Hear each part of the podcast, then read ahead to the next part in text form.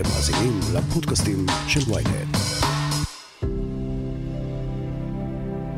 יצחק הרצוג נכנס אמש לבית הנשיא בצעד בוטח ועם הבטחות רבות. כאן, בארץ בה צעדו אברהם, יצחק ויעקב.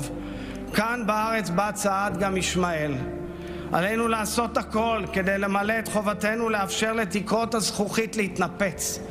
למגר בכל הכוח... בנאומו במליאת הכנסת הבטיח לצאת למסע ברחבי החברה הישראלית, אבל סימני שאלה עדיין מרחפים מעל כוונותיו ותוכניותיו של הרצוג, וגם מעל מחויבות לא פתורה אחת, זו שיש לו או שאין לו כלפי בנימין נתניהו. כתבתנו הפוליטית מורן אזולאי וחבר הכנסת לשעבר יואל חסון מנסים לפענח את דמותו של הנשיא האחד עשר. הכותרת, הפודקאסט היומי של ynet עם עטילה שומפלבי. מורן, הרצוג הוא לא בדיוק דמות לא מוכרת בפוליטיקה הישראלית, ולמרות זאת, יש סימני שאלה מעל לקדנציה שלו.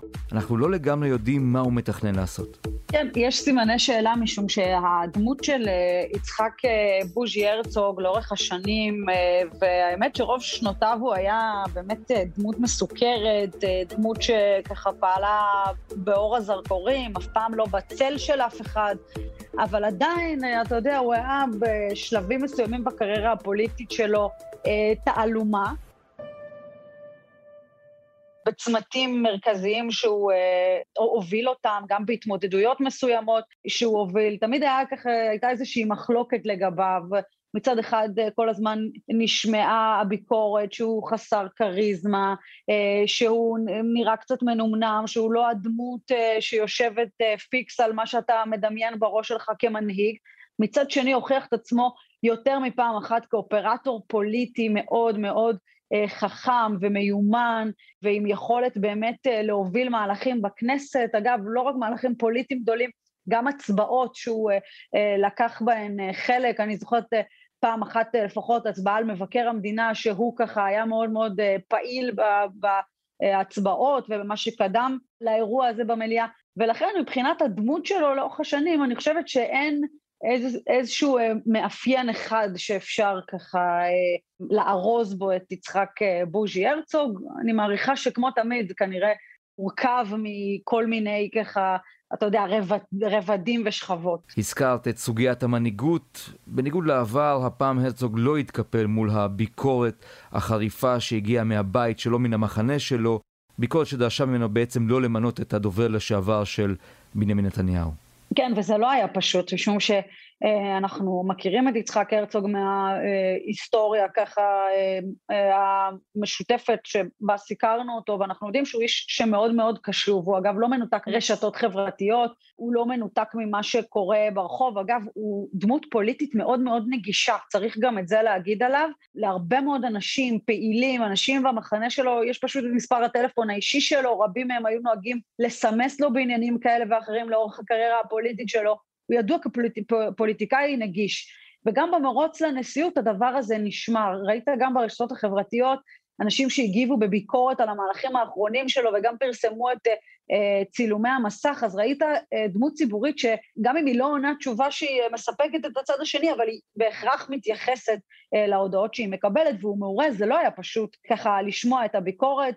להערכתי הוא רצה שכל האירוע הזה ייראה אחרת לגמרי, הוא רצה להיכנס ככה מה שנקרא מקובל על כולם, לפחות בדרך שבה זה קרה בהליך הבחירה שלו, הוא קיבל 87 חברי כנסת שתמכו בו, זה מספר גדול מאוד, חוצה מפלגות, חוצה מחנות, ולדעתי ככה הוא רצה גם שתיראה הכניסה שלו לתפקיד, זה קצת השתבש, אבל תרשה לי להעריך שהמהומה שאנחנו רואים אותה גם בטוויטר, גם ברשתות חברתיות, היא לא אה, מהומה שאתה יודע, שותפים לה כלל אזרחי ישראל, אני לא בטוחה שההורים שלי בקריות יודעים על המהומה הזאת, או יודעים על ההחלטה של אה, הרצוג לקחת דובר כזה או אחר לבית הנשיא. בסופו של דבר, מה שחשוב להרבה מאוד אנשים במדינה, זה איזה נשיא הוא יהיה, עד כמה כבוד הוא יביא למדינת ישראל, עד כמה הוא ימלא את התפקיד שלו אה, בצורה טובה.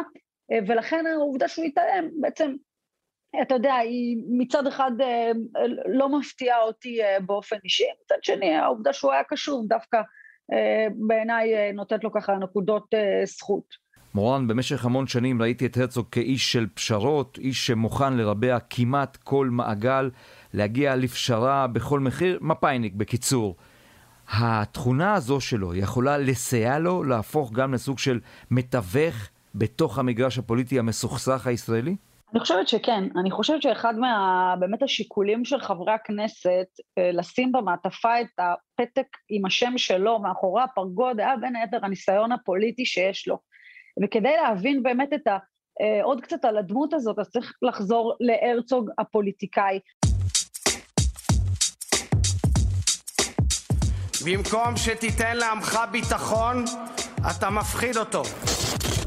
ראש הממשלה עסוק בלארגן עסקאות בתקשורת. קונים ומוכרים, הוא נהיה בעצם אה, בנק להשקעות קטן. זהו יום היסטורי. יום שבו ראש הממשלה הנבחר מפנה את מקומו לראשי הממשלה בפועל, ראשי המפלגות הקיצוניות ביותר שישלטו בו מעכשיו. ממשלה ברוח חזון הנביאים, הנביא מרזל והנביא גופשטיין. אתה יודע, אני למשל זוכרת את ההתמודדות שלו בפריימריז במפלגת העבודה מול שלי יחימוביץ', שהשנה הייתה 2013. הוא למעשה מתמודד מולה, היא אז אה, ככה מאוד אהודה, הכניסה איזשהו דם חדש למפלגת העבודה, הביאה רוח חדשה, אה, זכתה גם ככה, מה שנקרא, לאיזשהו אה, סיקור גם בהתאם, והוא התמודד מולה, הגיע כאנדרדוג, מול, אתה יודע, כל ה, מה שיחימוביץ' ייצגה באותה תקופה, ואני זוכרת שלאורך כל המרוץ הזה הוא נהג להגיד, גם בחדרים הסגורים וגם בכלל, כולם לוקים בהערכת חסר כלפיי, אף אחד לא מאמין שהתוצאה שאני אה, מהמר הולכת לקרות. בסופו של דבר הוא צדק, כי בסוף הפריימריז, בסוף המרוץ הזה, הוא גבר עליה, ניצח במשהו כמו 15 או 16 אחוז לדעתי לטובתו, ואיך הוא עשה את זה? לא באמצעות התקשורת, לא באמצעות אה, לשכנע את האנשים שכבר לא, אי אפשר היה לשכנע, אלא באמצעות עבודת שטח מאוד מאוד קשה. יש דבר שאפשר להגיד עליו, וזה, אתה יודע, אני חותמת עליו בעיניים עצומות, הרצוג הוא איש אה, של אנשים. הוא הביא את השטח אחריו, הוא סחף אחריו את הפעילים, הוא אגב אה, איש מהפוליטיקאים שזוכר לפרטי פרטים שמות, תאריכים, אירועים מסוימים, של העובדים, של העובדים לשעבר, של הפעילים, דברים מהסוג הזה, תכונה שמאוד מאוד מסייעת לו כפוליטיקאי, סייעה לו גם בעניין הזה. ואני בעיקר זוכרת את המקרה הזה, כי אתה יודע, איזשהו מקרה שבאותו ערב שבו הכריע את הפריימריז, למדנו טיפה להסתכל עליו אחרת, הערכת החסר שהייתה עד אותו רגע בעצם אה, התפוגגה, ומאותו רגע, כמו שאתה אומר, ראינו אה, שחקן של פשרות, שחקן של חיבורים, שחקן מסוג שעד אותו רגע לא היינו רגילים לראות, ונקודת השיא, אני חושבת, של הדבר הזה שאתה הגדרת, הייתה באמת ב-2014 עם ההקמה של המחנה הציוני, שאתה יודע, בניגוד למהלכים אחרים שראינו בפוליטיקה הישראלית, שם זה היה חיבור אמיתי. הוא הביא את ציפי לבני למחנה הציוני בידיים פתוחות, ובכוונה אמיתית לעשות פה חיבור, לא מן הפה לחוץ, לא כדי אה, רק אה, למנף את, ה, אה, את האירוע הזה, לעשות אקזיט ואז אה, לפרוש בכנסת, ממש בנה איתה שותפות אמיתית, ופה ראית באמת את הרצוג של, ה, של איש צוות, איזה, איזה איש צוות הוא, עד כמה הוא, אה, אתה יודע, אוהב ללכת יחד. פה אני אשים איזושהי כוכבית ואתן את הביקורת שתמיד הייתה עליו בעניין הזה,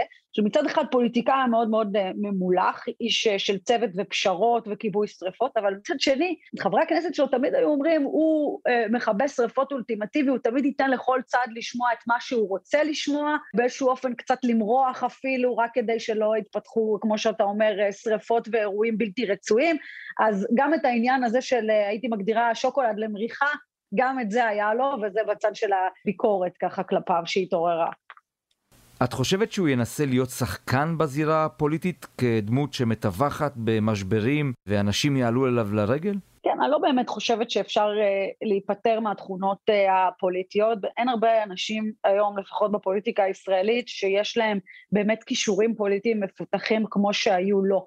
ראינו את זה לאורך הקריירה הפוליטית שלו. אגב, מי שחשב שהוא הגיע, אה, נחת בטעות בבית הנשיא, אז זה ממש לא, הדרך לשם נסללה בחישוב, בקפדנות, בצורה מאוד מאוד מתוכננת, זו הייתה מלאכת מחשבת שהיא נובעת מאותם כישורים פוליטיים שאנחנו אה, מדברים עליהם, הפרישה מהכנסת לטובת הסוכנות היהודית, זה גוף שככה ממנו הוא יכול היה למנף את כל הכישורים האלה שלו וגם לתכנן בעצם את המקפצה לצעד הבא, זה היה בעצם תחנה שנתנה לו קשר ישיר עם חברי הכנסת, עם השרים הבכירים, עם ראשי המפלגות, אפשר היה מאוד מאוד לתכנן דרך המקום הזה את התחנה אה, הבאה, את המקום שאותו הוא הציב כיעד את בית הנשיא, ולכן אני חושבת שאי אפשר באמת להוציא ממנו את הכישורים הפוליטיים שלו, לצורך העניין אנחנו מדברים תמיד על הנשיא היוצא ששבר שיא בהטלת המנדט שמונה פעמים בקדנציה של שבע שנים הטיל את המנדט, תקופה פוליטית סוערת מאין כמוה. אני יכולה להעריך שאם הרצוג עם הכישורים הפוליטיים שלו היה במקום ריבלין, גם הוא לא היה מהסס למעשה להשתמש באמת באותם כישורים, ובטח גם לייעץ לאותם שחקנים פוליטיים להיות אה, חלק בלתי נפרד, למרות שבאמת חשוב לו להיות ממלכתי, ושמענו בנאום שלו עד כמה חשוב לו ככה אה, שהמינוי הזה יהיה חוצה מפלגות אה, ומחנות, אבל מבחינת הרצוג הפוליטיקאי, אני חושבת שזה היה, זה עודנו, וזה גם יישאר בו כל הזמן לדעתי. מיד נמשיך עם הכותרת, אבל לפני כן, יש לנו משהו לספר לכם. היי, אני לא רשתת מאור, עורכת ynet יחסים. אני רוצה להזמין אתכם ואתכן לפודקאסט שלי, סקס אפיל. בכל פרק נחקור את המיניות והסקס שלנו. נגלה איך להחזיר את התשוקה למערכת היחסים, האם כל אישה יכולה להגיע לשפיכה נשית, איך מנהלים זוגיות פוליאמורית, וכל מה שהתביישתם לשאול. חפשו סקס אפיל בוויינט או באפליקציית הפודקאסטים האהובה עליכם.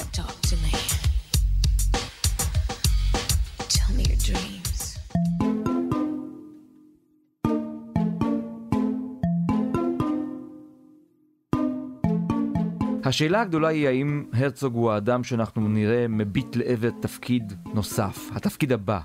כלומר, לעבר לשכת ראש הממשלה, בתום הקדנציה הזו, הרי מדובר באיש צעיר. כן, תראה, ביחס לנשיאים אחרים, אז מדובר בנשיא מדינה צעיר יחסית. גם הוא יסיים את הקדנציה שלו, הוא בעצם אה, יגיע לגיל אה, סך הכל ממוצע של אה, חלק מחברי הכנסת הוותיקים, ויכול בהחלט למצוא את עצמו מועמד רציני לתפקיד כזה, תלוי גם איך תראה באמת הקדנציה שלו ומה בדיוק השאיפות. אני כן יכולה להגיד לך שכשהוא הלך למסלול הזה, כש...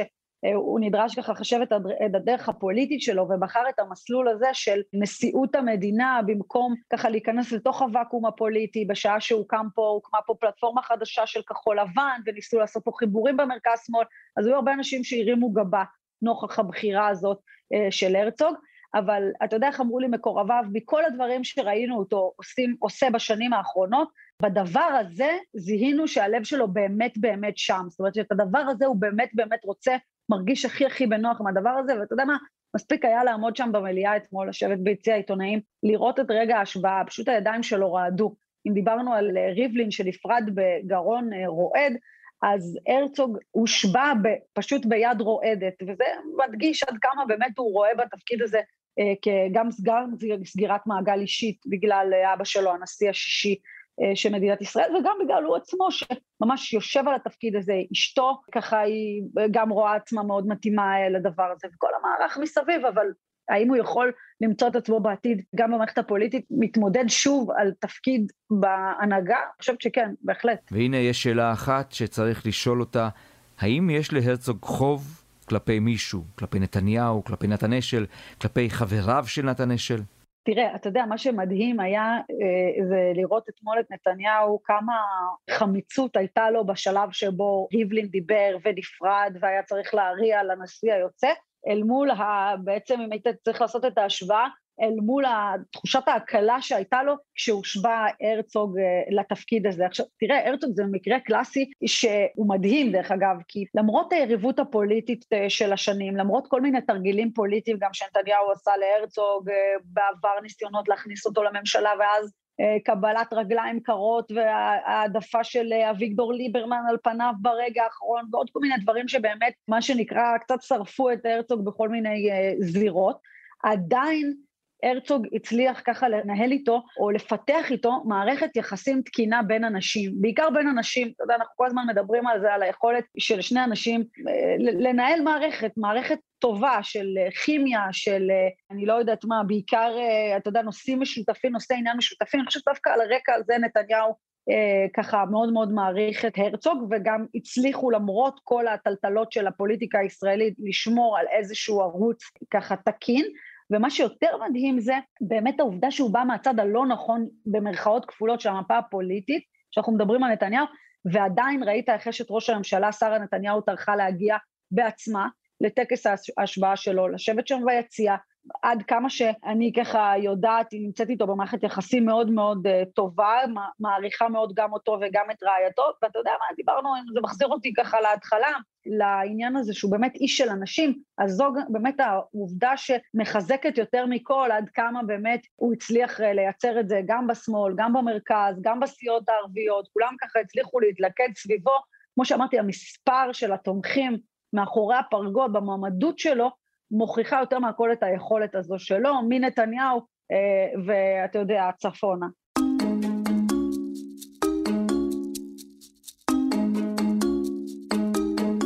יואל חסון, היית קרוב מאוד לנשיא החדש בקמפיין 2015. איזה תכונות גילית שם אצל האיש הזה? אני חושב שהתכונה המרכזית שראיתי אצל הרצוג בקמפיין 2015 זה היכולת שלו לעבוד עם אנשים ולהתחבר, לקרוא מפה פוליטית ולדעת לייצר את המציאות שתקרב אותו למטרה שלו. יש לו יכולת להתנתק אפילו מהאינטרסים של עצמו ומהרצונות של עצמו, הוא מסוגל להביא את עצמו למקומות של פשרה כדי לייצר חיבור שהוא מאמין שייצר בשבילו את השינוי ואת ההישג הפוליטי, וזו גמישות ויכולת התגמשות שהיא לא דבר מקובל אצל הרבה פוליטיקאים, שהרבה פעמים מונעים מאגו. אצל הרצוג יש אגו כמו הרבה אנשים אחרים, אבל הוא לא מנהל אותו. הוא יודע לנהל את האגו של עצמו, וזה מביא אותו להישגים לא רעים בפוליטיקה הישראלית. הרצוג הוא טיפוס מרצה, שלא אוהב להכעיס אף אחד, תמיד מחפש את הפשרות. זו תכונה טובה לדעתך? הרצוג מעדיף להגיע למצב שבו התוצאה שהוא רוצה להשיג היא תבוא מתוך הידברות, מתוך נתינה גם לאחרים, התחלקות עם אחרים באתנן פוליטי או בכוח פוליטי או לא משנה מה, וכן פחות בעימותים. אבל מצד שני אני חייב להגיד שאני חושב שהרצוג הוא הרבה יותר חד, הרבה יותר קשוח והרבה יותר מתעקש על מה שחשוב לו ממה שנראה כלפי חוץ. כשדברים לא הכי חשובים לו ואפשר לחלק גם לאחרים, הוא יחלק. אבל כשהדברים מבחינתו הם קריטיים, הוא מאמין בהם באמונה שלמה, הוא לא מוכן לוותר עליהם, לא, לא, הוא לא יתפשר. הוא ילך למאבקים, הוא ישיג את היעדים, וגם אם הם לא תמיד יהיו מאבקים שנראים כלפי חוץ, הוא יודע גם לעשות אותם באופן מאוד מאוד, אפילו אכזרי, בחדרי חדרים. יואל, כולם אומרים שנשיא צריך לאחד את העם, לחבר. הוא, הרצוג, מסוגל לעשות את זה? בהגדרה, המטרה של נשיא המדינה זה לחבר ולאחד ולנסות לדבר עם כל חלקי העם ולעבוד עם כל חלקי העם. וזה דבר שאני חושב שהוא בילד אין בהרצוג. אני חושב שזה משהו שקיים אצלו בבסיס. הרצוג בכלל הוא בעל מזג נשיאותי. אני חושב שכל מי שמכיר אותו יודע שהמזג הנשיאותי הזה קיים אצלו. הממלכתיות, היכולת לדבר עם כולם, גם ההיכרות בינינו התחילה בכלל שהיינו במפלגות יריבות, ובכל זאת היה לנו את היכולת לתקשר, כי הוא באמת ידע תמיד לתקשר עם כולם. אבל אני חושב שהמשימה העיקרית של הרצוג בנשיאות הזאת היא דווקא המשימה הפוליטית. דווקא העובדה שיש לו ניסיון פוליטי כל כך גדול, והוא מכיר את המערכת הפוליטית ואת השחקנים הפוליטיים, יש לו יכולת בעצם להיות הפותר בעיות, המפרק קשרים, או משחרר קשרים יותר נכון, של המערכת הפוליטית, שאצלנו היום מאוד מאוד מרוסקת, מאוד בעייתית, והרצוג יכול ועשוי להתגלה כמי שבהרבה מאוד הזדמנויות יכול לשחרר פקקים פוליטיים והסתבכויות פוליטיות שעוד צפויות לנו, אני מתאר. אתה רואה עתיד פוליטי ליצחק הרצוג? הרצוג אדם צעיר, הוא יסיים את כהונתו בגיל 67, ועד כמה שאני יודע, בפוליטיקה לא יוצאים לפנסיה. ולכן אני חושב שהרצוג אה, יכול מבחינתו לשקול חזרה לחיים הפוליטיים לאחר הנשיאות. זה בוודאי, אם הנשיאות שלו אה, תתגלה כנשיאות מוצלחת, הוא יצא ממנה כדמות אהובה ומוערכת על ידי הציבור, אין ספק שהפוטנציאל הפוליטי מבחינתו יהיה קיים.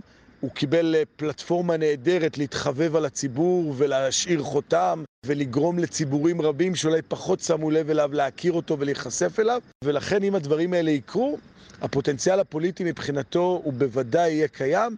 Uh, הכל תלוי, א', אם הוא ירצה בכך, וב', מה תהיה הפול... המפה הפוליטית בזמן שהוא uh, יסיים את כהונתו. מורן אזולאי ויואל חסון, תודה לכם, סיימנו. תודה, תודה. עד כאן הכותרת להיום. מחר נהיה כאן שוב עם פרק נוסף. אתם מוזמנים להאזין לפרקים נוספים בוויינט, בספוטיפיי, באפל ובכל אפליקציות הפודקאסטים באשר הן.